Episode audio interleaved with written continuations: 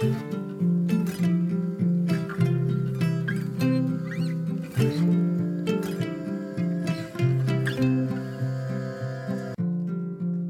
och välkommen till For Health med Anna Sparre. Idag blir det en mycket spännande intervju med populäre Anders Lönedal. Det kommer att handla om det som kallas för syra-basbalans, alltså kroppens pH. Vad spelar det för roll? Vilka är de vanligaste myterna kring syra-basbalans? Och hur påverkar du själv kroppens pH? I det här avsnittet får du mycket information om hur kroppen fungerar och orsakerna till dina hälsobesvär. Dessutom får du konkreta tips och övningar som kan förbättra och förändra din hälsa i grunden. Om du är nyfiken efter avsnittet så hittar du mer information på forhealth.se.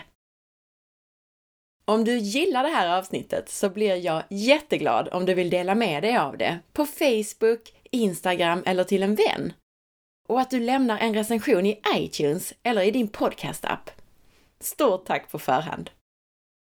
Om du tror att andra kan ha nytta av avsnittet, så dela gärna till exempel i din Facebookgrupp. Du kan boka mig som föreläsare. Jag föreläser bland annat för företag och privata grupper. Eller gör som andra grupper och boka en intensivkurs eller hälsohelg hos mig på Österlen.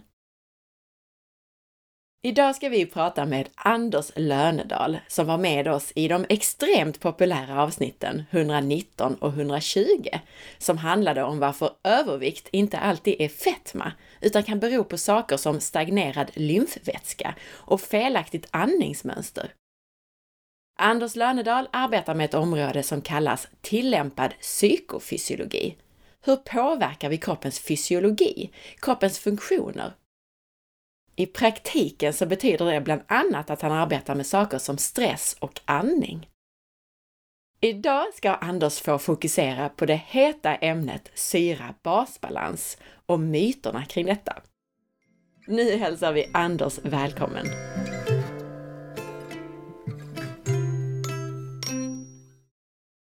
Hej Anders! Hej! Välkommen tillbaka! Tack för det, jättekul ja, det att bli inbjuden en gång till. Verkligen, efter de två avsnitten vi gjorde i höstas som blev så extremt populära, de är fortfarande mycket omtalade och lyssnas på flitigt, så är jag så glad att ha dig tillbaka. Ja, härligt. Idag ska vi prata om ett hett ämne, någonting ja. som i folkmun brukar kallas för syra-basbalans och som vi pratar kanske mer om som pH. Ja, det är ju egentligen pH det handlar om. Mm. Men just syra-bas, det är en ganska bra beskrivning. Jag kan skriva under på den också, för mm. den är extremt viktig.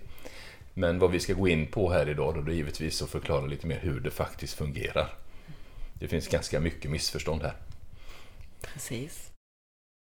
Om vi börjar då. Berätta om kroppens pH. Vad har det för betydelse för vår hälsa? Ja, det kan inte nog Eh, understrykas betydelsen av ett korrekt pH-värde. Det är någonting som vi, våra kroppar faktiskt kompenserar för och håller inom väldigt, väldigt strikta ramar hela tiden. Varenda sekund under hela vår levande tid alltså. Och det här pH-värdet, och då kan jag förklara en sak då. När jag säger pH-värde idag, då menar jag pH-värdet i blodet och i cerebrospinalvätskan. Men för att förenkla allting så kommer jag säga blodet.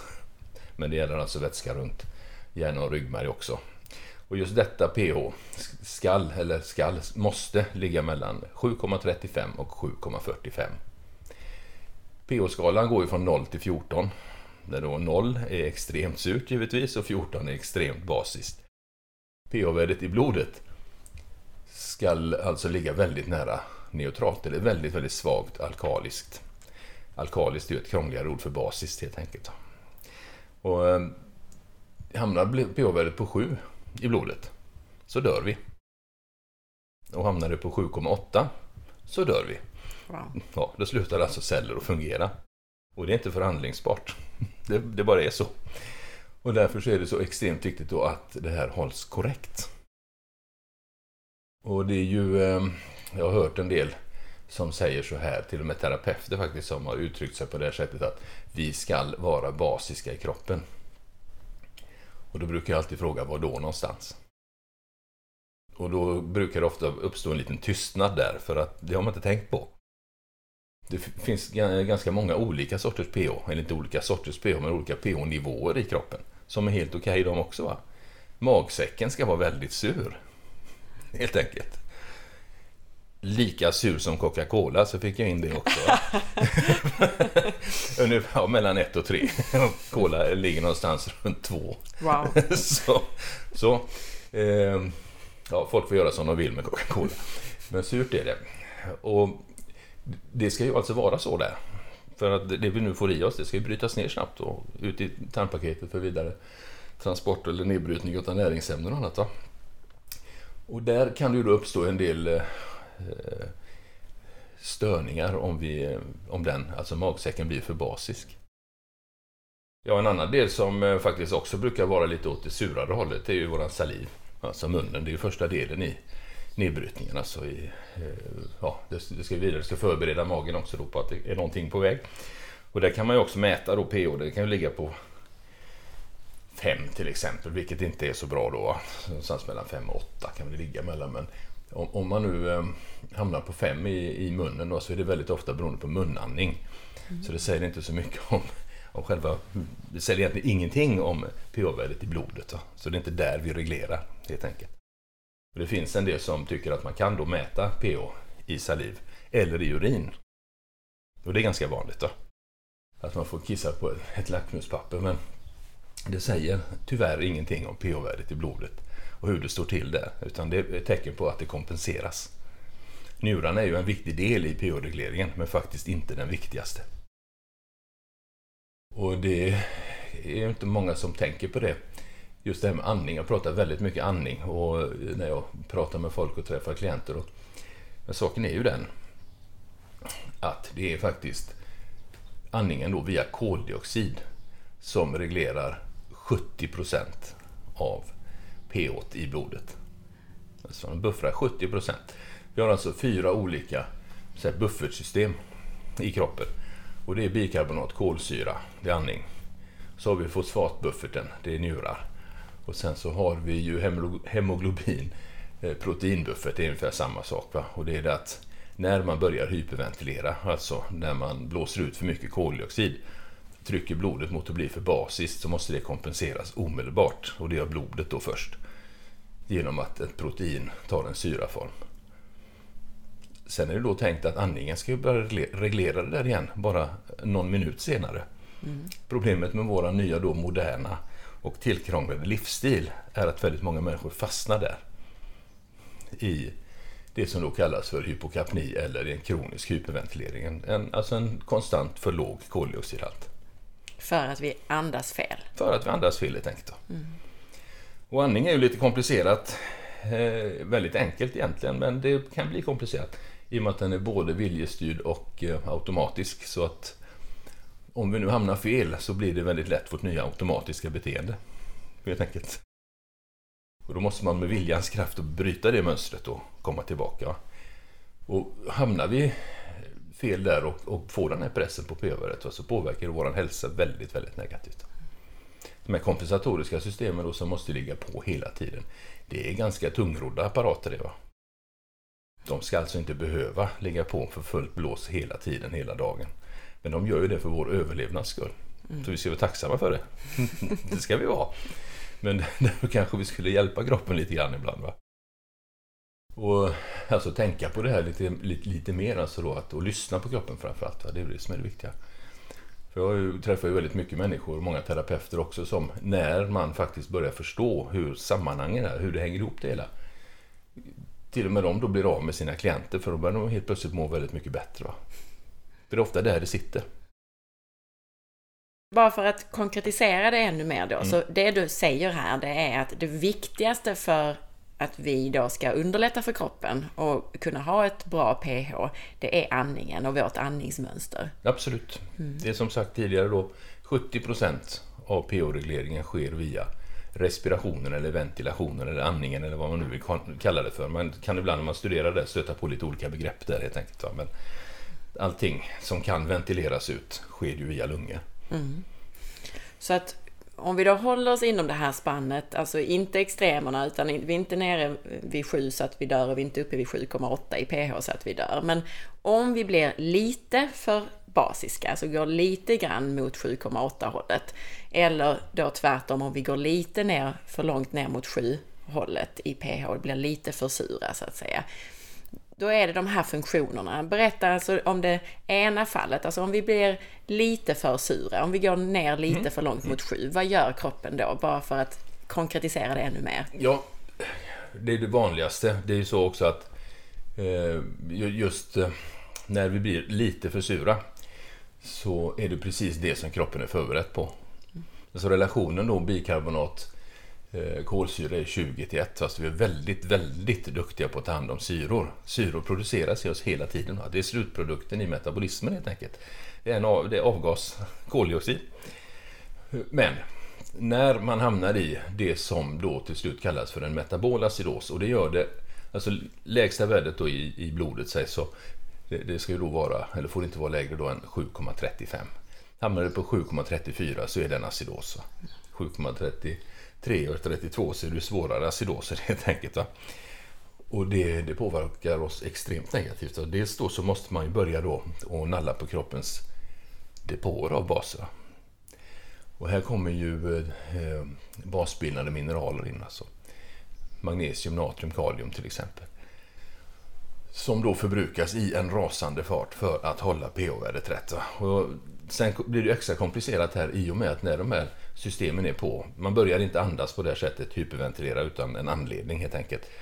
Och ofta är det att man stressar igång, va? att de här överlevnadssystemen slår på. Och då gäller det att bryta det.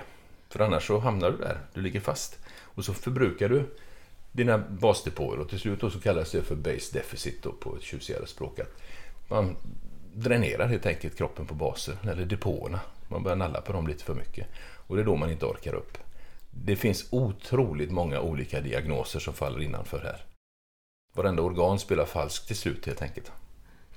Var finns de här depåerna? Var tar kroppen de här mineralerna ifrån? Ja, det är framförallt magnesium tar man ju och även de andra från muskelceller. Och är det riktigt illa så eh, ger man sig på skelettet också. Men vi har de största depåerna i våra muskler. Hur känner man då i musklerna? Kraftlöshet. Mm. Och det känns som om jag har mjölksyra i hela kroppen. Är det en del som säger också. Det är precis rätt. för det är precis så. Det är för mycket syra helt enkelt. Och det, det, hjälper alltså då inte att hälla i sig bikarbonater, extra bikarbonater, eh, björkaska eller någonting i den stilen via då eh, mag-tarmkanalen. För det första som sker då, det är ju det att vi basar våran mage. Och den vill inte vara basisk, inte tolvfingertarmen heller va. Så att eh, magen då skickar ut det här, de här överskottsbaserna då, givetvis ut i tarmpaketet och den, den loopen som de här överskottsbaserna hamnar i då, det är den som går till levern. Ingenting går ut i cellerna utan att passera levern först, det måste vi tänka på. Så det hamnar i levern, levern vill inte heller ha alla dessa baser som man kastar ut via njurarna omedelbart. Och då kan man ju förledas att tro att jag kissade på laktmuspapper, jag var sur igår, jag kissade idag efter mitt intag av till exempel björkaska och jag är basisk nu, då kan man förledas att tro det. Att yes, nu är jag ju, har jag korrekt pH-värde i mitt blod, men det handlar inte om det. Alltså. Det är väldigt allvarligt om vi skulle bli för basiska.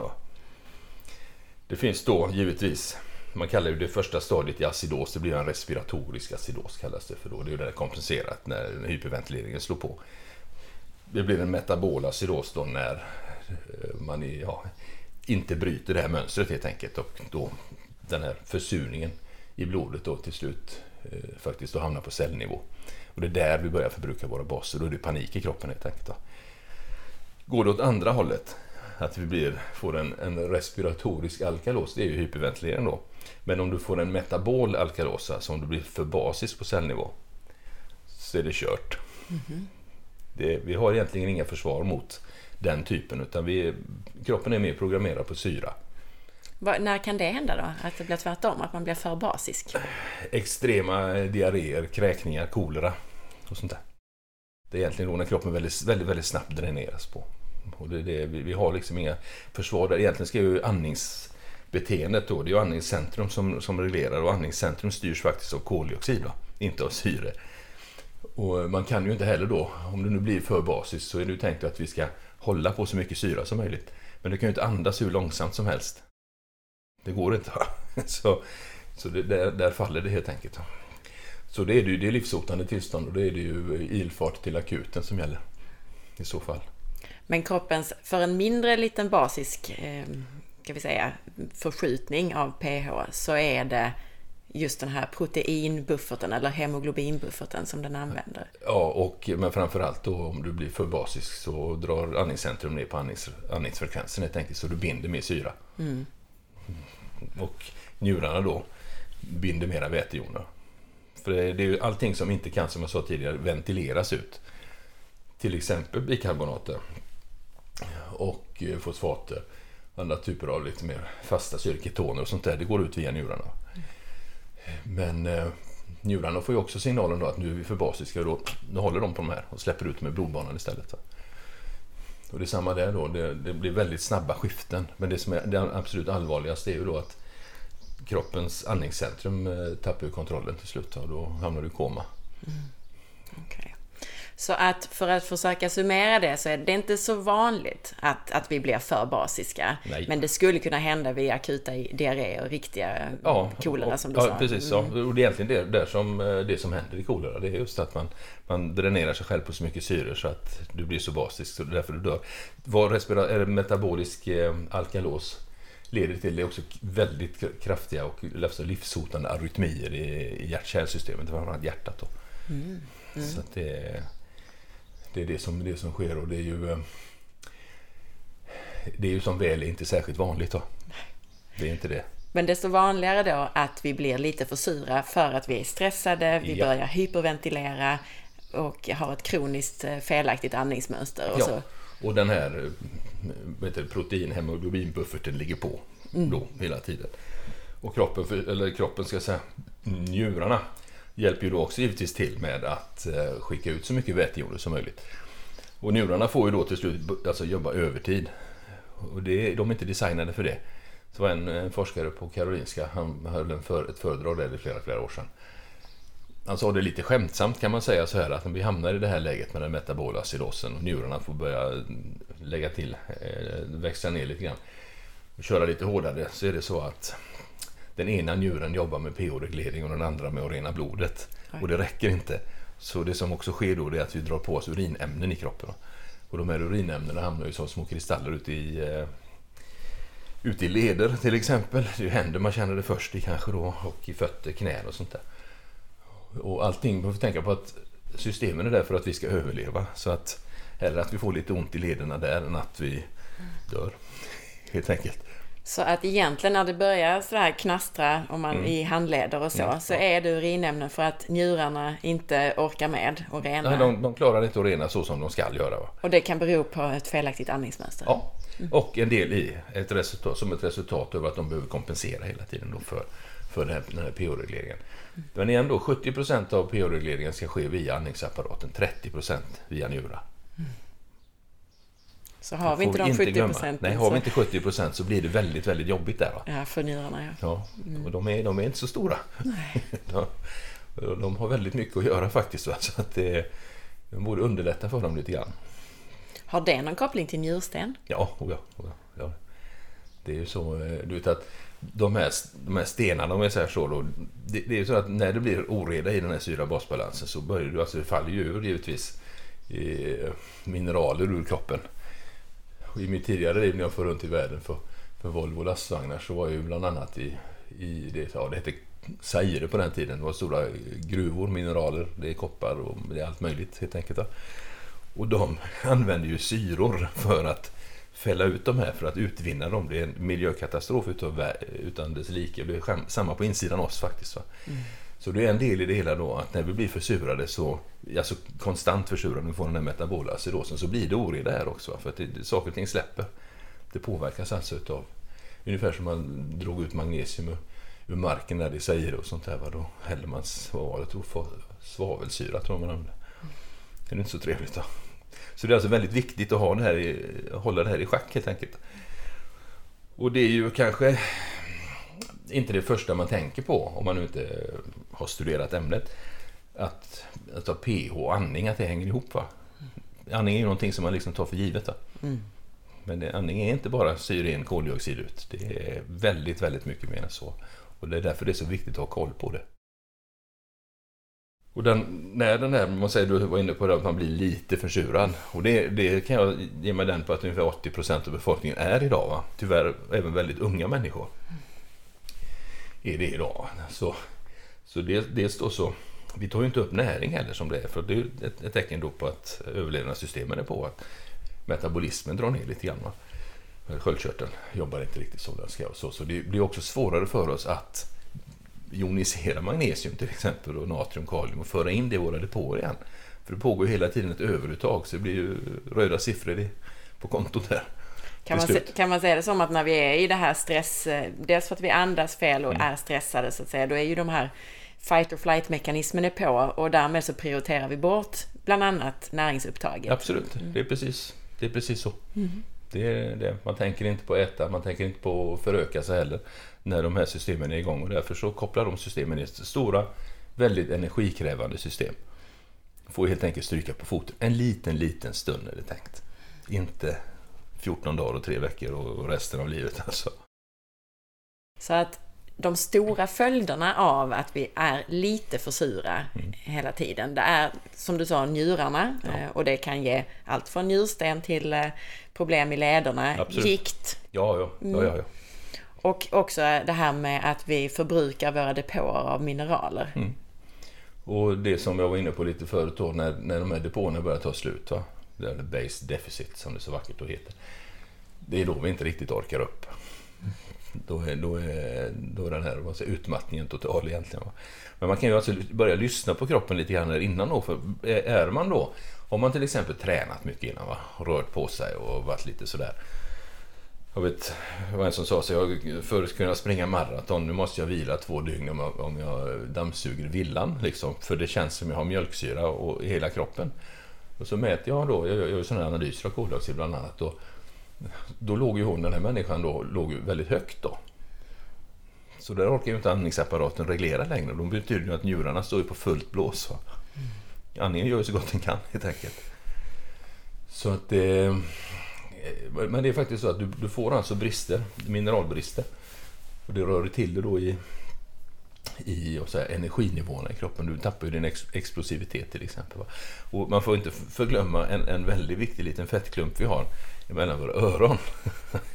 Tycker inte om det här va. Nej, men det är ju så också när den här eh, hemoglobinproteinbufferten då slår till så så fäster också syremolekylen hårdare i eh, hemoglobinet och frisätts inte på cellnivå som den ska. Va? Och det leder alltså då till något som heter hypoxi, alltså syrebrist. Och den delen av kroppen som är känsligast för syrebrist är givetvis vår hjärna. För den vill ju väldigt gärna ha 20 procent av all syre vi får i oss. Och det är då vi upplever att vi får dimhjärna? Jajamän. Mm. Och det är faktiskt ingen sjukdom. Det är en konsekvens. Mm. En reaktion kan man säga väldigt mycket av det vi kallar för sjukdomar idag är egentligen inte sjukdomar. Utan det är alltså reaktioner och konsekvenser av livsstil. Och en pH-förskjutning. För att andningen är ju där hela tiden och ska reglera. Och njurarna givetvis också. Men 70% igen då ska gå via andningsapparaten. Så det är väldigt viktigt att ha det igång. Och en kropp i homeostas då, där, där ligger man ju då på mellan 7,35 och 7,45 koldioxid då mellan 4,7 och 5,3 procent. Allting tickar och går så fint. Då. Och sen är det, vi är alltså förberedda för väldigt snabba, kraftiga urladdningar. Och sen ska vi gå tillbaka igen. Alltså tre minuter urladdning, två dygns återhämtning ungefär. Och vem kör den varianten idag? Nej, inte så många nej. inte så många nej. Jag har ju förmånen att bo i skogen så när jag har varit iväg ett tag så har jag ju en väldigt bra man säger, lunga där. Alltså det kan jag bara försvinna ut. Och hästar är väldigt bra Djur, att umgås ja, med. faktiskt då. då släpper jag allting. Då måste jag vara närvarande där. För att även jag kan ju köra lite för hårt ibland. Mm. Men jag känner min kropp så pass väl så jag vet det. Men det är därför det är så viktigt med en, en podd som din här, va? Att, att försöka sprida lite kunskap om olika ämnen. Helt enkelt att få ut det så folk kanske börjar tänka lite själva. Mm. Och inte bara hoppa på den senaste trenden. För kroppen är ingen trend. Nej, just det. Den, har funnits där ett tag. Va? Den fungerar likadant som på stenåldern. Ja, den gör faktiskt ja. Och det är väl det som komplicerade för oss idag då. Mm. Jag var uppe vid Ale stenar här och eh, tog mig en ordentlig promenad och picknickade förut. Och tänkte på våra förfäder då, liksom, som ändå byggde de här. De hade det eländigt de också. Från tid till annan, va? men de sprang inte för livet hela tiden. Och det är det vi har lagt till idag egentligen. Va? I vårt livsstil. Och sen givetvis måste vi komma in på en sak. Va? När man pratar pH, och jag pratar då om andning och sådana här saker, men slutprodukten i metabolismen, alltså ämnesomsättningen, är ju en gas. Alltså det är avgaserna ur cellerna, koldioxid, kolsyra som blir koldioxid som vi andas ut. Va? Men det här behöver ju någonting. Ämnesomsättningen behöver något att jobba med. Så givetvis är det vi äter väldigt viktigt. Då. Maten kan ju antingen bli den bästa medicinen man har eller ett väldigt, väldigt långsamt verkande gift. Va? Så är det. Men slutprodukten i metabolismen, även om du äter griskött som är, och socker som blir väldigt, väldigt mycket syror av, eller om du äter broccoli, så är slutprodukten syra. Det är alltså mer eller mindre. Och någonting som försurar väldigt mycket är socker. Det får vi inte glömma. Va? Det är ett snabbt bränsle, det är ett ganska dåligt bränsle, men det ryker väldigt mycket ur cellerna. Va? Det blir väldigt mycket svarta avgaser, koldioxid. Du tar det och andas du inte på korrekt sätt, ventilerar du inte ut det, så får du problem. Va? Då hamnar du i den här acidosen. Och det förbrukas ganska mycket sånt idag. Så man skulle kunna uttrycka det som att andningen är det stora, Ja. men vi behöver underlätta för kroppen genom att äta korrekt mat också. Absolut, absolut. Alltså ämnesomsättning är ju just ämnesomsättning. Ämnen som vi får i oss som ska omsättas bli metaboliseras. Det ska bli eh, magnesium och det ska bli B-vitaminer och serotonin och det ska bli en massa roliga saker i våra kroppar. Och vissa födoämnen är ju bättre för kroppen än andra helt enkelt. Att vissa födoämnen är mindre syrabildande Ja. i kroppen, beror det på att de innehåller de här mineralerna som Ja. är basiska? Ja, det, det är mycket, ligger mycket i det. Va? Och det är ju som att eh, eh, det tråkiga då kan vi säga är ju det att om man hamnar i, blir väldigt, väldigt hungrig till exempel så hjärnan skriker efter eh, snabba kolhydrater så är det ju inte broccoli man längtar efter.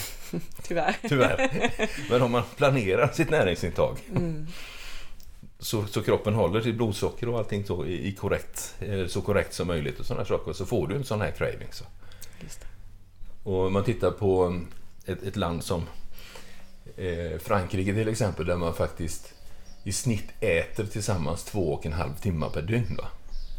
Hela familjen, familjer i skolan och sånt gör de, äter de på ett helt annat sätt. Och de har bättre råvaror generellt sett också.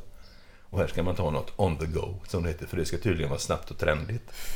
Och smoothiesar är ju jättebra, va? men häller man dem bara rakt i sig så händer det inte så mycket med dem heller, för de ska också tuggas. Helt enkelt. Bara för att förbereda så att vi kan ta upp så mycket näring och det blir så bra näringsämnen och att det blir så lite avgaser som möjligt. Va?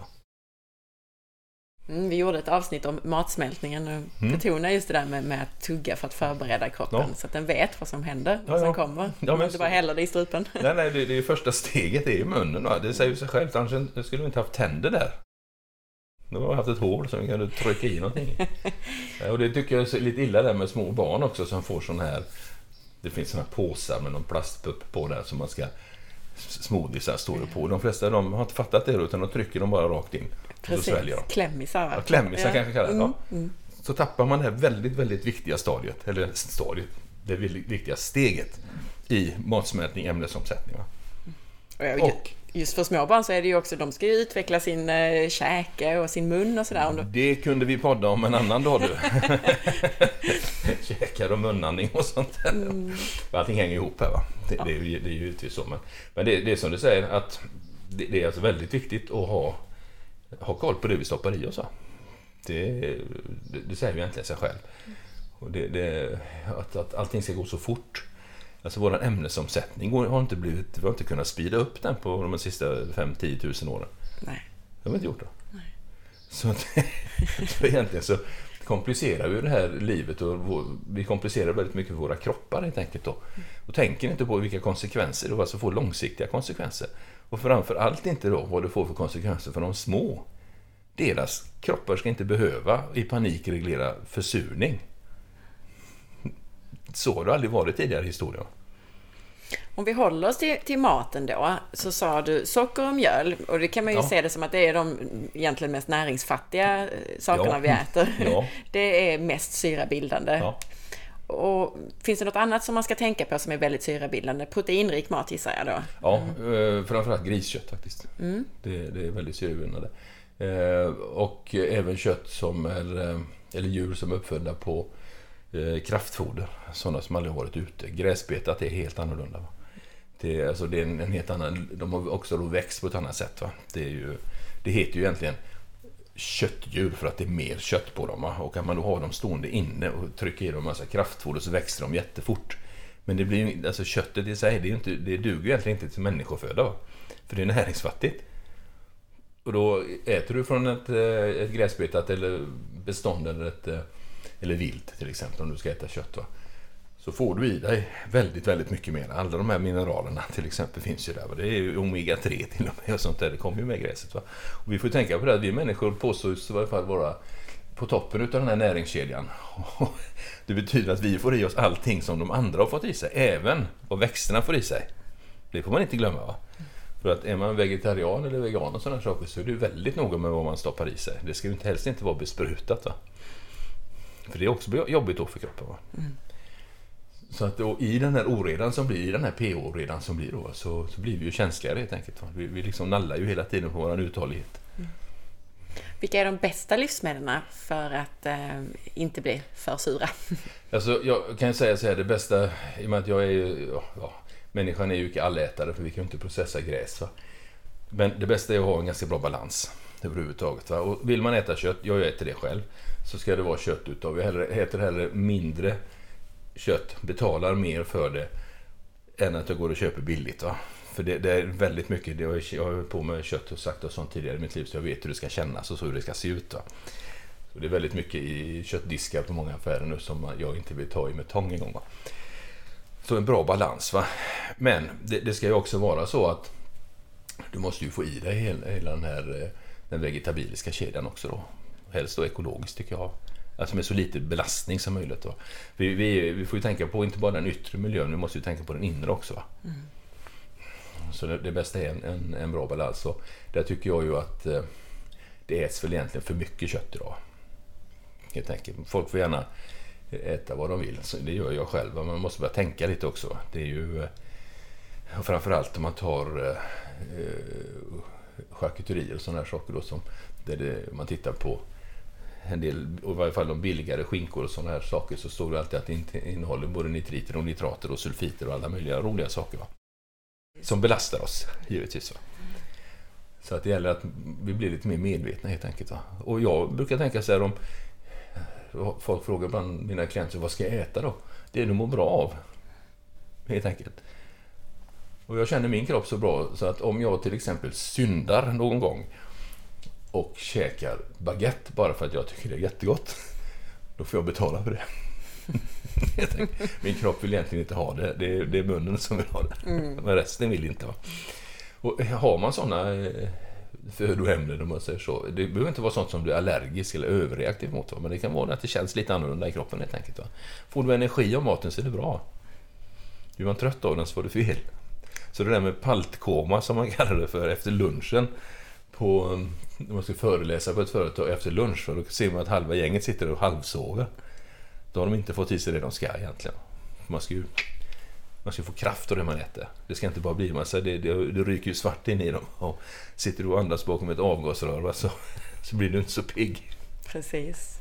Apropå det, vi ska ju göra ett avsnitt också lite grann om vad som är ätbart i naturen. Ja. Och då tänker jag på samma sätt som det är skillnad mellan kött och kött, alltså mm. spannmålsuppfött kraftfoder, ja. Eh, utfodrat kött och eh, gräsbetande kött, så borde det också vara skillnad, alltså det som är väldigt eh, snabbt odlat och som inte har mm. hunnit ta upp så mycket näring, så mycket mineraler mm. ur jorden jämfört med om man då plockar vilt i naturen. Ja. Det borde vara en skillnad också i hur syrabildande och... Ja, extremt, extremt mycket så. Mm. Alltså, jag har varit på en del roliga ställen i mitt liv och men på en del som jag blev förundrad och det var det var väl i Nederländerna eller Holland och så tittade på tomatodlingar. Usch, ja. ja. Alltså, de köpte ju Volvobilar så jag åkte dit och hälsade på kunder helt enkelt. Och där, där hängde det alltså tomatplantor i, i lufta och hade ingen kontakt med jord utan det var liksom dyngvatten som rann igenom vad heter det, glasull, sådana mineralull. Det finns inget, alltså, och de tomaterna växte jättefort. Det såg ut som en tomat. Men egentligen var det inte det va? Nej, de smakar De ingenting. smakar heller. ingenting, men de är röda.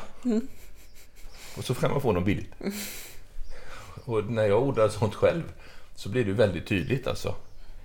Och det, det är ju väldigt mycket så att eh, ska vi äta även sådant ordentligt då, eller på riktigt, eller så att det är bra för oss ska vi säga, så ska det ju vara så minimalt belastat med besprutning till exempel. För att, och det, det är så att vi, vi, det är som med vete och sånt till exempel, att alltså näringsvärdet är ju ingenting. Va? Om du tar vete som det är idag så duger inte det till djurfoder. Va? Man måste alltså berika det. Så det har blivit jättemycket har det blivit.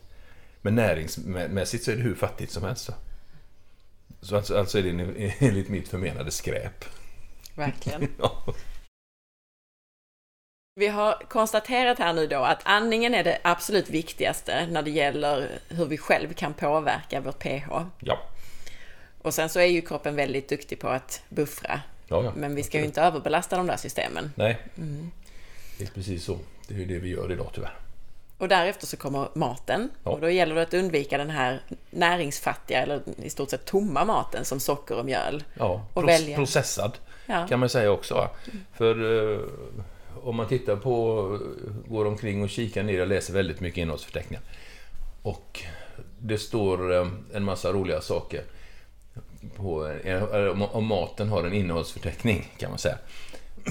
Då är ju inte maten mat längre utan då, då, då har den ju blivit en produkt.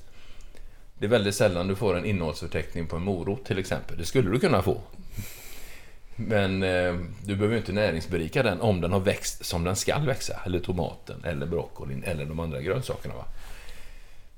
Men idag då, med tanke på att det, det, det blir väldigt näringsfattigt och i och med att man har överutnyttjat jordar och sånt där också då, så är det näringsfattigt. Alltså en, en, en, en grönsak får ju inte mer näring i sig än vad den kan ta från jorden. Va? Eh, odlar man då samma sak år ut och år Ja. in och, och med konstgödsel? Ja, och, ja. ja, men precis. Det blir ju ingenting kvar. Va? Nej. Den blir helt utarmad och det blir ju, alltså det vi får i oss då det är ju det är ju rena nödfödan egentligen. Va? Det blir ju egentligen ingenting och vi, vi går ju omkring då med näringsbrister. Det är många som gör det idag och det, blir, det leder ju den här försurningen och sånt där till också då. Alltså ämnesomsättning som inte funkar. Riktigt snabba kolhydrater då givetvis. Det gör att det blir väldigt mycket koldioxid som du måste börja andas ut. Så kanske du blåser ut och givetvis för mycket koldioxid och så blir du för sur i blodet för att kompensera. Och så har du inte bara stress omkring dig utan har det i dig också. Med den, de konsekvenserna som då detta får då för, för pH-reglering. Just för du måste tänka på det som vi inledde med att det är väldigt, väldigt smalt det här spannet vi, vi ska springa omkring inom. Väldigt, väldigt smalt. Då. Men om till exempel pH-värdet i din kropp, i blodet då, alltså väldigt snabbt då av någon anledning skulle ramla ner till 7,2 så kan andningen på egen hand sköta det eller klara det på ja, just under en minut så är det tillbaka där det ska vara. Då reglerar andningscentrum det på ett väldigt snyggt sätt. Då. Så det är alltså ingen katastrof. Va? Så att det, men grejen är den då igen då, att när vi håller på som vi gör idag då, att vi håller på att springa ifrån oss själva helt enkelt. Va? Och inte känner efter eller? Det är inte bra. Bara för att knyta ihop det här med maten just. Ja. Så mycket grönsaker och gärna odlade på näringsrik mark eller Ja. till och med plockade i naturen kanske. Ja, kan man det så vore det det bästa. Precis, det ska vi lära oss. Ja. och sen eh, har vi eh, proteinkällor från i lagom mängd i, i bra kvalitet. Alltså gärna då om vi äter kött så gräsbetande och Ja. viltfångat och så vidare. Mm. Hur är det med fettkällor då som eh, olivolja och, och så? Hur påverkar Ja, det det- pH? Det, det är samma, där, allting hamnar ju i metabolismen om man säger så. Slutprodukten är en syra. Men, eh, där har du väldigt mycket, alltså framställningsapparaten, det är ju den som är den stora boven i dramat. Det finns ju jättefina olivoljor till exempel. Jag tycker väldigt mycket om olivolja själv. Och eh, fick lära mig lite när jag var i Portugal faktiskt. Smaka på så här, den, den var för sur, sa de. Too acidic. Och lite mildare då, så som de här är bättre då i matlagning och för kroppen. Va? Så det är samma där då. E- egentligen så är det väldigt ofta så att man får det man betalar för. Mm. Så vill man vara lite mer säker på så ska man ju lägga lite extra, för ofta räcker det längre också. Som en fettkällor kan man säga att det är egentligen samma princip. Ja. Att de som innehåller mer näring, en avokado innehåller mycket mineraler till exempel. Ja, borde vara bättre då för ja. pH än vad till exempel en raffinerad olja är. Ja, ja. Mm. absolut. Det är allting så nära källan som möjligt. Det är lite back to basic, vi måste börja tänka. Mycket bra. Vad är de vanligaste missuppfattningarna om kroppens pH? Jo, den, den absolut vanligaste missuppfattningen det är den att vi ska vara basiska i kroppen. Det är den, det är den absolut vanligaste. Och också eh, på, på god andra plats, om inte nästan på samma nivå, det är alltså att man kan reglera pH i blodet genom att äta bikarbonater eller björkaska eller sådana baspluspulver och sådana saker. Det funkar inte så. Det når inte. I och med att, man måste också tänka på det att så länge du har en hyperventilering i kroppen så registrerar receptorerna runt hjärnan att vi är för basiska. Så det gör ju det att häller du i dig ett ordentligt eh, basiskt pulver där, va, så blir det ju den här eh, chocken helt enkelt. Det kommer in alldeles, alldeles för mycket. Va? Och det överskottet får inte nå blodet. Så det hamnar i levern. Och sen så skickar den ut dem. De här överskotten omedelbart. Va? Det, det är bara dagen efter så är det ju eliminerat ut ur kroppen. Vad hade hänt om vi istället injicerade de här mineralerna eller bikarbonat? Det, det kan vi säga så här att om någon hamnar på ett pH-värde eh, som ligger runt, ja, någonstans mellan, ja, runt lite under 7,1. Eh, då blir det ju, på sjukhuset så är det bikarbonat i dropp. Mm. Det är absolut ingenting man ska experimentera med själv. det är livsfarligt alltså att göra det på det sättet. Va? Men det är den, då måste man göra på det sättet. Va? Och man måste också ventilera. Så en del blir alltså det som kallas alltså tvångsventilera. Då. Man kopplar på en apparat så som ser till så att kroppen skickar ut allt alternativt behåller så mycket koldioxid som möjligt. Den hjälper dem att andas helt enkelt? Ja, precis så. Att man tar kontrollen över den. När andningscentrum inte klarar av att reglera riktigt själv. Mm. Då får vi alltså gå, komma utifrån. Sen brukar ju andningscentrum komma tillbaka igen. Mm. Det är ju så. Så att, eh, eller brukar, det gör alltid det. När nivåerna börjar hamna rätt igen då. Och då, då är det alltså pH som ska hamna rätt. Vilka hamnar där på sjukhus med, med bikarbonatdropp? Det är inte helt ovanligt att eh, sådana som har tagit för mycket piller av något slag till exempel, eller narkotika. Mm. Så att de, eh, det slår ut andnings, andningscentrum helt enkelt, knockar det lite grann. Så blir de alldeles för sura i och med att koldioxiden stannar kvar i kroppen. Och då måste man tvångsventilera och så in med bikarbonat. Men alltså, alltså, kroppen är fantastiskt otroligt stark. Va? Min, min kollega Linda Örn som hon heter, hon eh, var ju då är fortfarande det värsta jag någonsin har träffat koldioxidhaltsmässigt. Hon låg på 7,8 omräknat då till, alltså 7,8 procent ska jag säga koldioxid. Eh, omräknat eh, till PO så var det strax över 7,1 väldigt nära den där väldigt, dödliga väldigt, väldigt, väldigt, väldigt nära det. Hon kunde knappt gå och såg alldeles levergul ut och, och var stel som en pinne i hela kroppen och framåtlutad. Så hennes kropp var på väg att koppla ner. Var det av alla syror i musklerna? Ja, absolut. Mm. Det fanns ingenting. Det, när vi då började, alltså fick igång andningsapparaten på det så kom ju den första initialkicken, alltså lite mer energi väldigt fort. Va? Och sockersuget försvann också. Så att, för kroppen producerar ju inte energi så det räcker när den inte får syre till exempel. Och då kommer sockersug som då belastar pH-värdet ordentligt. Va? Så att man hamnar i en väldigt ond cirkel helt enkelt. Och det är, är väldigt många av mina klienter som, som berättar just om detta. Jag brukar fråga det, hur är det med sockersuget? Och då, oh, ja, det är, ja, det är det. Ganska mycket. Men de får förklaringen på varför, alltså kroppen då får inte cellerna syre så det räcker så får de ju inte heller näring så det räcker. Och då fungerar inte Krebs eller citronsyracykeln, kroppens sätt att producera energi på cellnivå. Och då måste man tillföra energin utifrån. Och då är det inte de där fina eh, grönsakerna vi längtar efter. Alltså. Utan att då är det de här snabba. Man får cravings alltså. Mm. Man måste ha nu.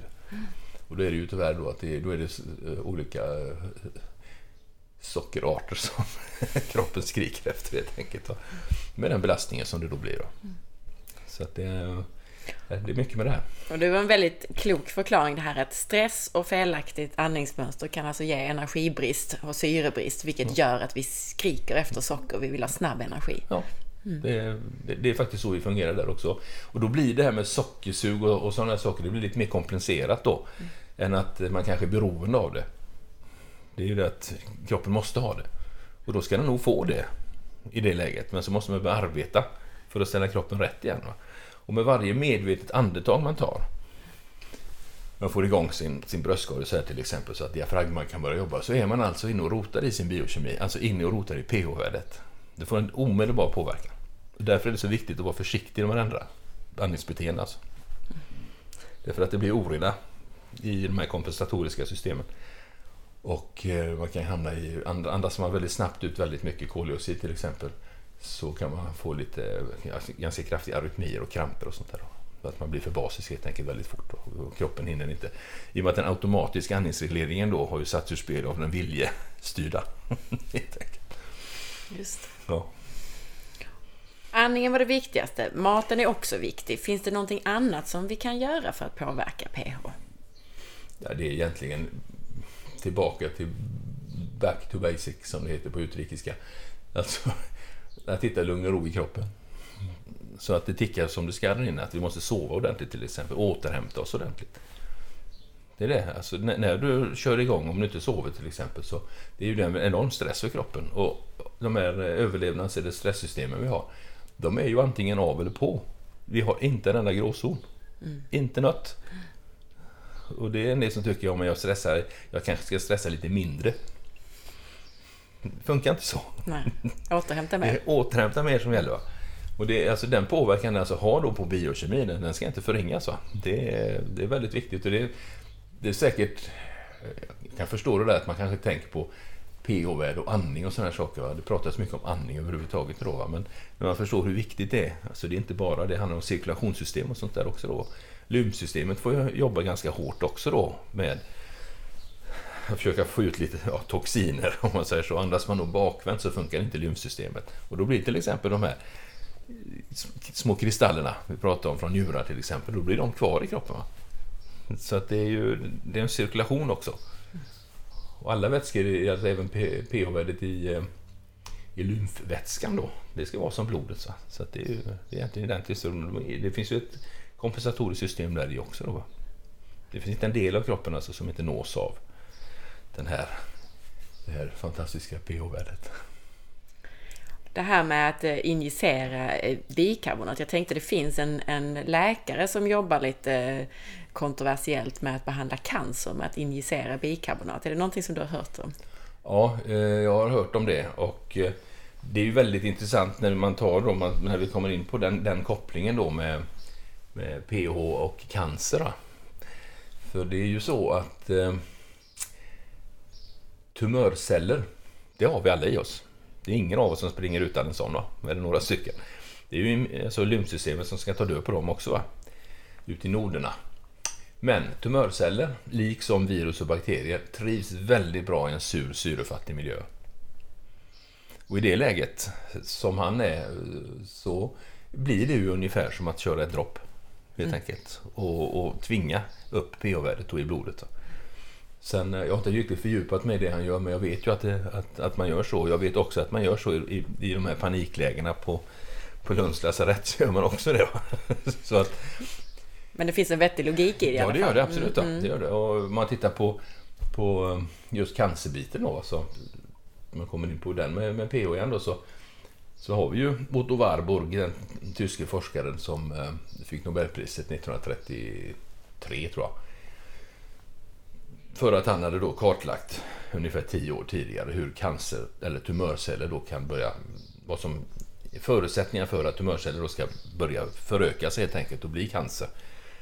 Och det han presenterade då, det, ja, han fick ju som sagt Nobelpriset och det var för att han konstaterade helt kallt att det var syrefattigt och det var surt.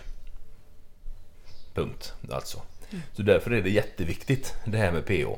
Och att vi alltså håller koll på andningsapparaten helt enkelt. Va? Det, och den är ju den är ju robust men den är också väldigt lättstörd.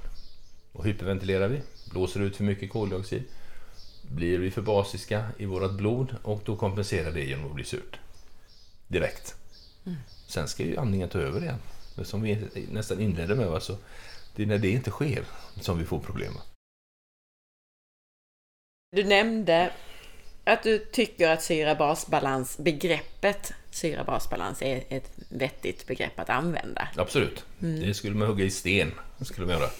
Så viktigt är det. Och det är också väldigt viktigt att vi alltså bringar lite rätsida på hur det faktiskt fungerar. Vad det är som, vad det är som styr där. Mm. För att det ska vara den här hårfina balansen mellan syror och baser. Och vi måste komma ihåg det också när man pratar om syror så är alltså kroppen förberedd på att ta hand om syror. Balansen där, eller relationen ska man säga, mellan bikarbonat och syror i bikarbonat kolsyrabufferten som är andningsapparaten då. Det är alltså 20 till 1 då, så det är 20% mer bikarbonat än vad det är syra. Så där klarar vi ganska stora svängningar. Mm, mm. Så att eh, går man kring och är så är lite småsur så är det egentligen ingen fara. Va? Det, det reder kroppen ut. Va? Men det är när det, när det här tar överhanden helt enkelt, när vi fastnar i det här. Eh, den här eh, kompenseringen helt enkelt. För det, det är just en kompensering, ett buffertsystem för att det ska, man ska använda dem lite akut. Och sen ska du tillbaka till homeostas igen. Och det kan du göra många gånger i livet. Då. Så länge du kommer tillbaka på mitten igen så är det helt okej. Okay. Mm. Men när du stannar åt det sura hållet va? så eh, får du ju... Och, du vet, det leder ju till så mycket så ohälsa och sånt där. Man kan gå in på det hur långt som helst egentligen. Men, men det viktigaste är att veta att när vi hamnar här va, så Dels då så förbrukar vi väldigt mycket mineraler som vi sa, men vi har också väldigt svårt att ta upp det vi stoppar i oss.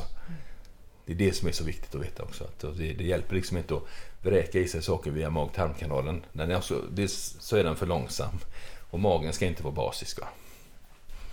Precis när blir magen för basig så har vi ju varken skydd mot patogener, alltså inkräktare, och vi kan inte...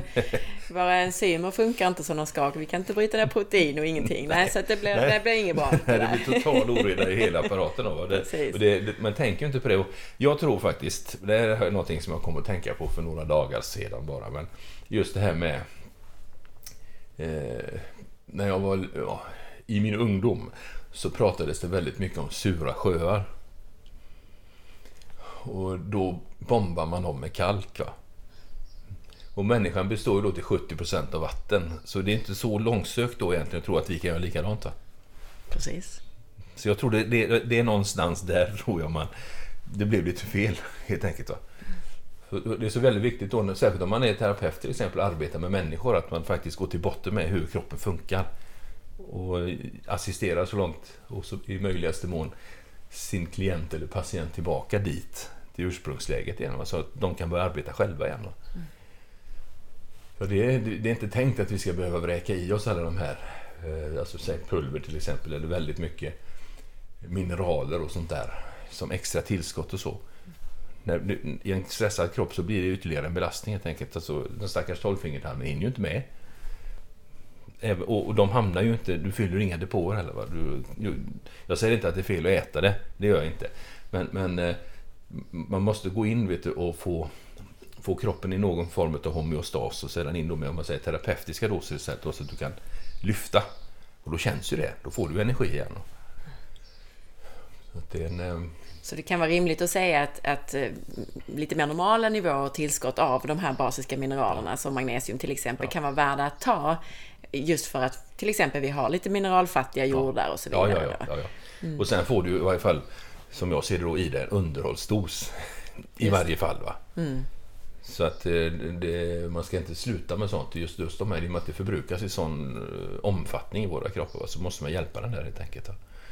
Många tillskott eh, tycker jag, jag brukar rekommendera att man tar dem med mat, men just mm. kalcium och magnesium brukar säga att man helst ska låta bli att ta med mat. Jag vet inte hur, hur du själv Nej, ser på det. jag håller med dig där. Mm. Ja. Men just för att man inte ska vara för basisk när man äter maten. Mm. Ja, ja men då är bra, då är vi överens. Just det. Nej, men det, det, det, det är bra det, så. Det, det, då har du tänkt. nej, men det, det, är så. Det, många tycker att det är väl inte så noga, va? men det är det. Det, det, det är väldigt känsligt här nere. Mm. Det är väldigt känsligt. Och stressade människor har faktiskt för lite magsyra. Precis. Och så får man sura uppstötningar och sånt. Man tycker oh, jag måste ha så mycket magsyra. Men det har man inte. Man har för lite och den är så sur. så du anar inte. Va? Det är därför det svider hela vägen upp. Så att, eh, och då, då är det viktigt att man inte belastar den. Och så äter du, och just som du säger, är det, är det basbildande du äter då så, och din, en stressad magsäck har ju blivit så sur bara för att det väldigt snabbt ska slås isär innan det går vidare. Helt enkelt. Det som vi till äventyrs då får i oss. Va? Och stör du den då så kommer du ut väldigt stora bitar. Helt enkelt. Mm. Det blir snättar inte ner alls. Mm. Och det blir problem längre ner i tarmpaketet sedan. Precis. Mm. Och det här begreppet, alltså om det är någon här som har eh, läst på lite grann på Google ja. om syra-basbalans mm. så har man säkert upptäckt det här begreppet att man ska basa sig. Ja. Är det just det här att man fyller på med massor med kalcium till exempel? Ja, eller? ja ofta då så blir det som de där sjöarna jag var inne på. Alltså att man, man, man, man, man kör i så mycket baser i kroppen då så att Alltså ofta då kalk, björkaska är ju extremt basiskt också. Va? Mm. Men det hamnar ju den här stackars magsäcken då som blir för basisk. Och varken den tolvfingertarmen eller tunntarmen vill vara det. Så att det, det, får ju liksom omedelbart transport till levern som slänger ut det. Så att, att, att, gå in och basa där, det påverkar alltså inte blodet ett endaste dugg. Det har varit mycket bättre om man hade lärt sig att ta hand om sin, sitt andningsbeteende helt enkelt. Och, andas med näsan och balansera sin koldioxid som faktiskt sköter 70 procent Det kan man ju upprepa som ett mantra. 70 procent ska regleras via andningsapparaten. Apropå det här då med eh, att vi ska sköta det via andningen och så. Mm. Vad, vad är det bästa man kan göra för att påverka kroppens pH på ett positivt sätt? Det är att helt enkelt få igång ett biologiskt korrekt andningsbeteende och jakt på de signaler som kommer på det förändrade beteendet helt enkelt. Och jag sa väl det lite tidigare att andnings, förändring av andningsbeteende eller andningsträning aldrig ska vara förknippat med obehag och det ska aldrig vara förknippat med prestation heller.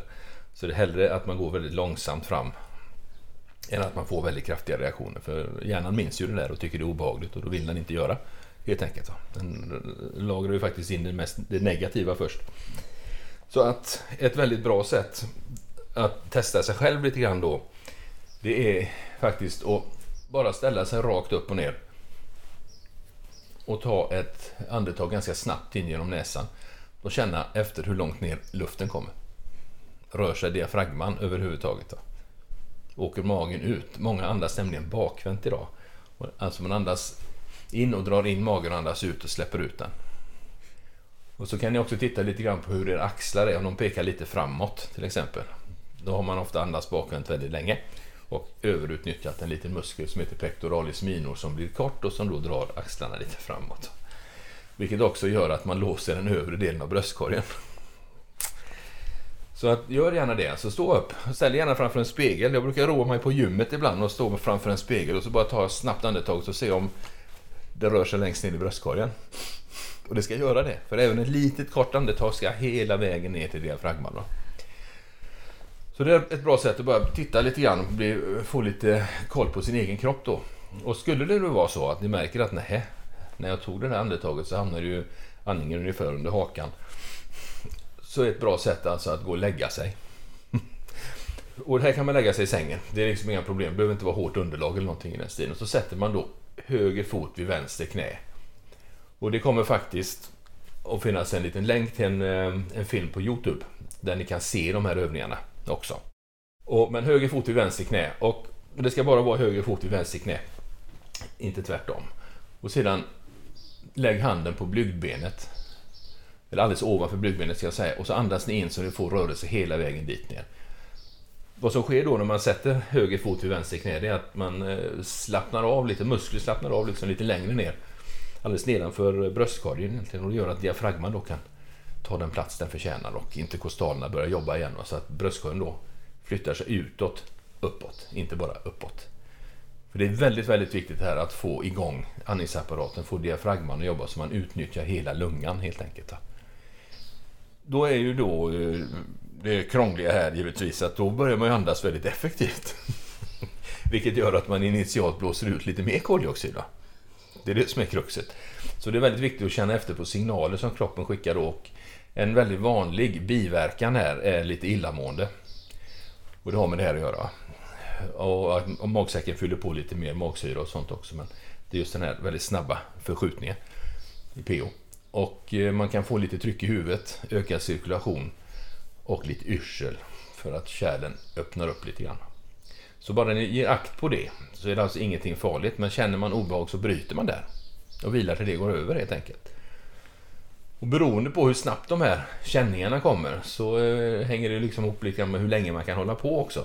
Men de flesta av mina klienter idag de börjar med att köra fem minuter morgon och kväll. Med den passusen, vid obehag bryt. Och det är inget misslyckande och det kan faktiskt vara så att ena dagen kan, kanske man kan köra fem minuter, andra dagen kanske man bara kan köra tre. För att man har haft det lite jobbigt någonstans i livet. Helt enkelt. Så att man känner det med en gång. Och när andningscentrum då vaknar till ordentligt, för det gör det till slut, och börjar reglera som den ska. Då kan man också uppleva det att man börjar andas ibland lite djupare och ibland lite grundare.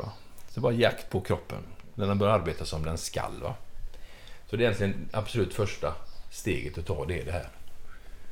Att få igång andningsapparaten helt enkelt. Va? Jättebra. Så man lägger sig morgon och kväll på sängen. Bara för att förtydliga det. Ska, ska man ha fötterna i, i sängen eller ska man ha raka ben? Raka ben. Raka ben. Raka ben. Tack. Precis. Och så var det höger... Höger fot vid vänster, man säger på utsidan utav Så man, man lägger den över vänster knä kan man ja. säga. Precis. Men, men benet då ska peka uppåt va? Mm. Så man inte bara viker det rakt över utan det blir bättre effekt. Just för att man ändrar vinkeln på bäckenet lite, lite grann. Ja. Och det gör att... Man öppnar upp lite Man där. öppnar upp lite ja. Mm, och det underlättar då för diafragman. Precis. Att börja ta den plats den förtjänar.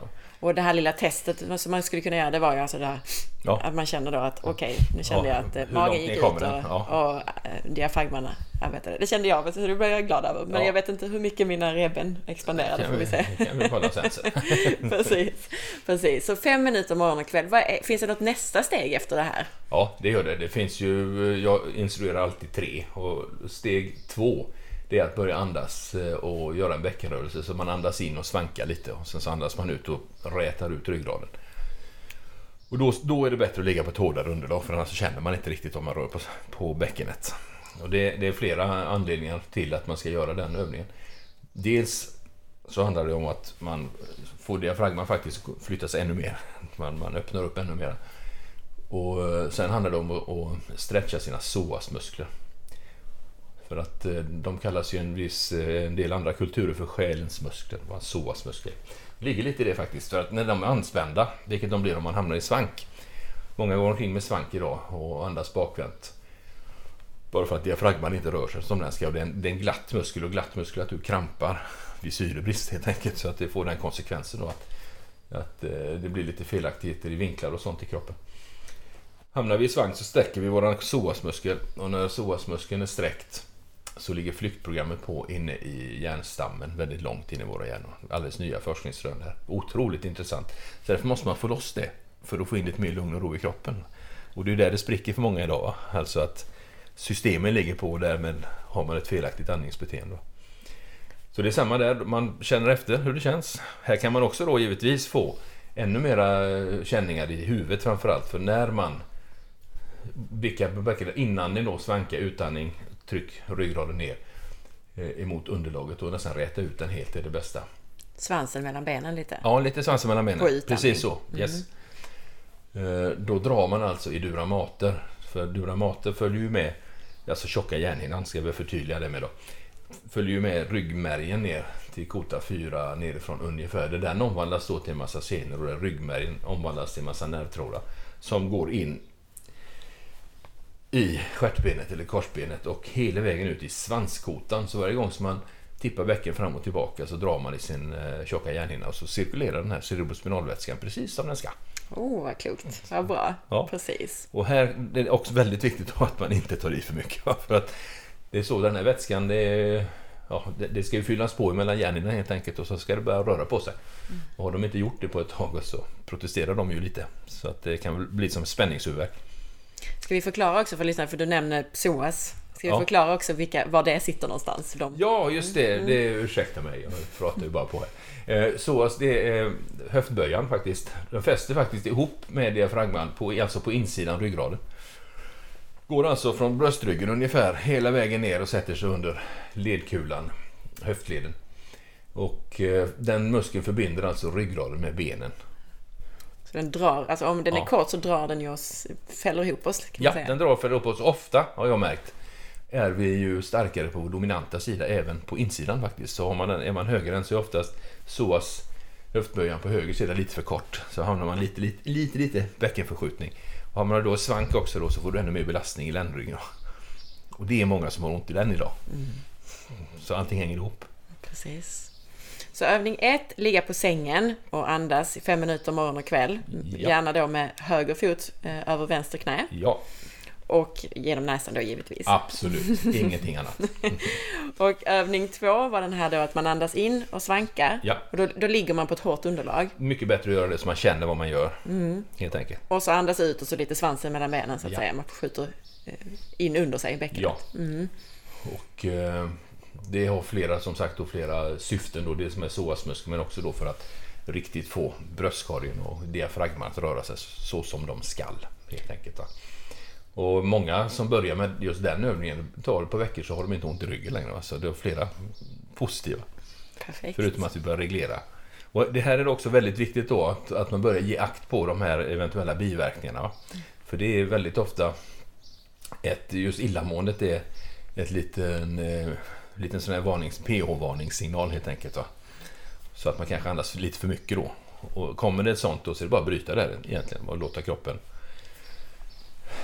normalisera sig lite grann. Den första övningen, det brukar räcka med en vecka. Så sitter den. Då har bröstkorgen börjat röra sig. Och den andra övningen med bäcken, ungefär en vecka så brukar det fungera också. Sen kan man lägga till bäckenbotten också då och slappna av i bäckenbotten på utandning och knipa på utandning då. Nu tror jag det blev slappna av på inandning, eller hur? Ja, ja precis. Jag tror du sa utandning. Men, oh, Just det, man eh, lägger till bäckenbotten och då gör man så att man, man andas in, svankar och slappnar av i sin bäckenbotten och så andas man ut och går tillbaka och kör svansen mellan benen samtidigt som man spänner den eller kniper. Och kvinnor ska då knipa med perineum, alltså mellangården, inte kissestråle. Man lyfter liksom? Ja, lyft. Jätteviktigt. Ehm, där har vi också en väldigt viktig cirkulationsbit i detta då. Alltså kom, det, det kommer, lymfsystemet triggas ordentligt när man kommer så långt. Och får igång den här, det är som en pump helt enkelt. Och den här psoasmuskeln då, våran höftböj är väldigt viktig här. I och med att är den, är den fel då så fungerar inte den här relationen alltså mellan eh, diafragman och bäckenbotten. Man kan se bäckenbotten som en, en diafragma faktiskt också. Den ska alltså gå upp och ner med. Det kan till och med vara ett sätt att hitta bäckenbottenmuskulaturen, att göra en snabb utandning. Ja, ja, ja alltså definitivt. Så, ja. så, känner man liksom mm. att det sugs upp. Ja, och det ska göra det. Ja. Mm. Men hamnar man i svank då, om man går omkring med svank så sker inte det. Ja. Ah. Så det, det, det, är väldigt viktigt och vi har tappat bort oss lite där parallellt med allt det här då så borde man kanske stretcha sina eh, höftböjare lite grann. Ja, alltså, ja, ja. Det kan man ju göra på olika sätt, lite grann i utfallssteg eller liknande. Ja, ja, jajamän, mm. jajamän. Det, det är jättebra. Det finns olika tekniker där givetvis. Men mm. Allt man kan göra för att få loss dem. Mm. Det, det, det, är otroligt viktigt. För när man då har då hittat de här, gjort de här olika stegen va, och känt att min andningsapparat går igång och man hittat sin bäckenbotten. Och det brukar som sagt brukar ta en vecka man bygger liksom på lite grann där. Då kan man ju börja leka med andningscentrum. Helt enkelt. Och det är jätteenkelt. För då tar man bara så andas man in och då kan man andas in och svanka. Jättebra. Och sen så andas man ut. Och när man har andats ut så slappnar man bara av lite grann. Och så, man ska alltså inte hålla andan, man ska vänta på att kroppen vill andas igen. Så man ska få tillbaka den automatiska då, styrningen utav andningscentrum som faktiskt störs ut då vid hyperventilering. Och det tycker jag är jättespännande, för det gör jag själv ibland. Beroende på stressnivå i mig själv och även i alla andra då givetvis som kommer att göra detta. Så kan man känna att kroppen själv vill andas lite djupare ibland och ibland lite grundare. Mm. Helt och hållet beroende på hur mycket koldioxid har vi? Vad är det för pH-värde? För den här receptorerna, andningscentrum, pratar ju hela tiden med receptorer runt hjärnan. Koldioxidhalt, pH-värde. Och så regleras alltså andningen, det tänkt, därifrån.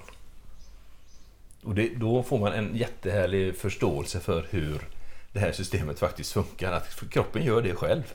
Om vi tillåter det. Vi har slutat lyssna på kroppen så det är därför vi inte kan det längre. Ja, vi har sprungit ifrån den. Mm. Kroppsligen närvarande är vi, men inte mycket mer. Mm. Och så det som vi får i oss, näringsfattigt, som också belastar oss. Så det, nej, det, det är väldigt mycket vi kan, vi, det, vad jag tycker är så fascinerande i det här, det är att det är så väldigt, väldigt mycket vi kan göra själva. En, en kropp som har ett pH-värde som ligger rätt blir inte sjuk. Vi är inte gjorda för att vara sjuka egentligen. Va? Det är någonting som vi hittat på. Nej, jag ska inte förringa människor som blir sjuka, det är inte det jag menar. Va? Men våra grundinställningar är sådana att ligger pH-värdet rätt, andningsapparaten funkar som den ska, så funkar immunförsvaret som det ska. Näringsupptaget funkar som det ska. Så vi fyller på med alla de här näringsämnena som givetvis också gör att vi kan fightas mot tumörceller och annat på ett mycket bättre sätt. Mm. Så att det, vi är en helhet, en helhet och det är det att vi i vårt samhälle har vi liksom delat in kroppen i småbitar också. Och vi kan inte göra det. Ligger pH-värdet fel så är det inte liksom njur, njurarna man ska kasta sig på först. De är jätteviktiga. Men om de inte får hjälp av andningsapparaten så klarar de inte det. Så man får inte glömma att andas biologiskt korrekt. Toppen, det var ju en jättebra avslutning på det här ämnet tyckte jag. Tack för den här utmärkta förklaringen. Är det någonting som vi har missat att prata om när det gäller det här med pH tycker du? Eller någon övning till eller? Jag, jag pratar ju då om pH-värdet i blodet. Och det är extremt viktigt, också om man pratar om syrebrist eller hypoxi som vi då kallar det för.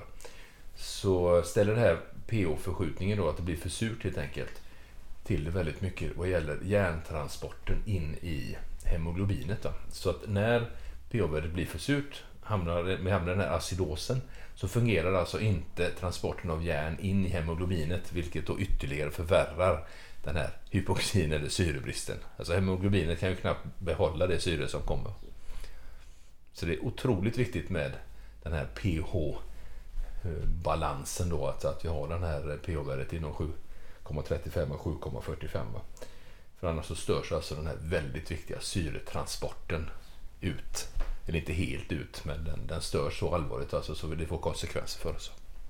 Betyder det att vi kan alltså ha anemi fast vi äter och tar upp järn? Ja, ja, absolut. Mm. Det kan vi ha.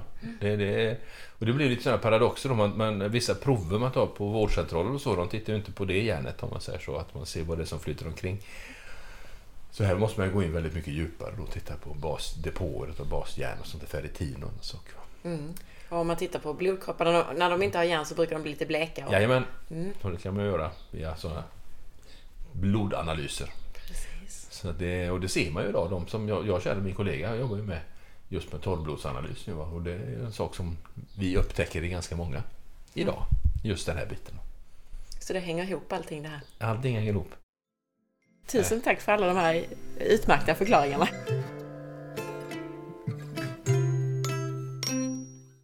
Tack för att du lyssnade idag.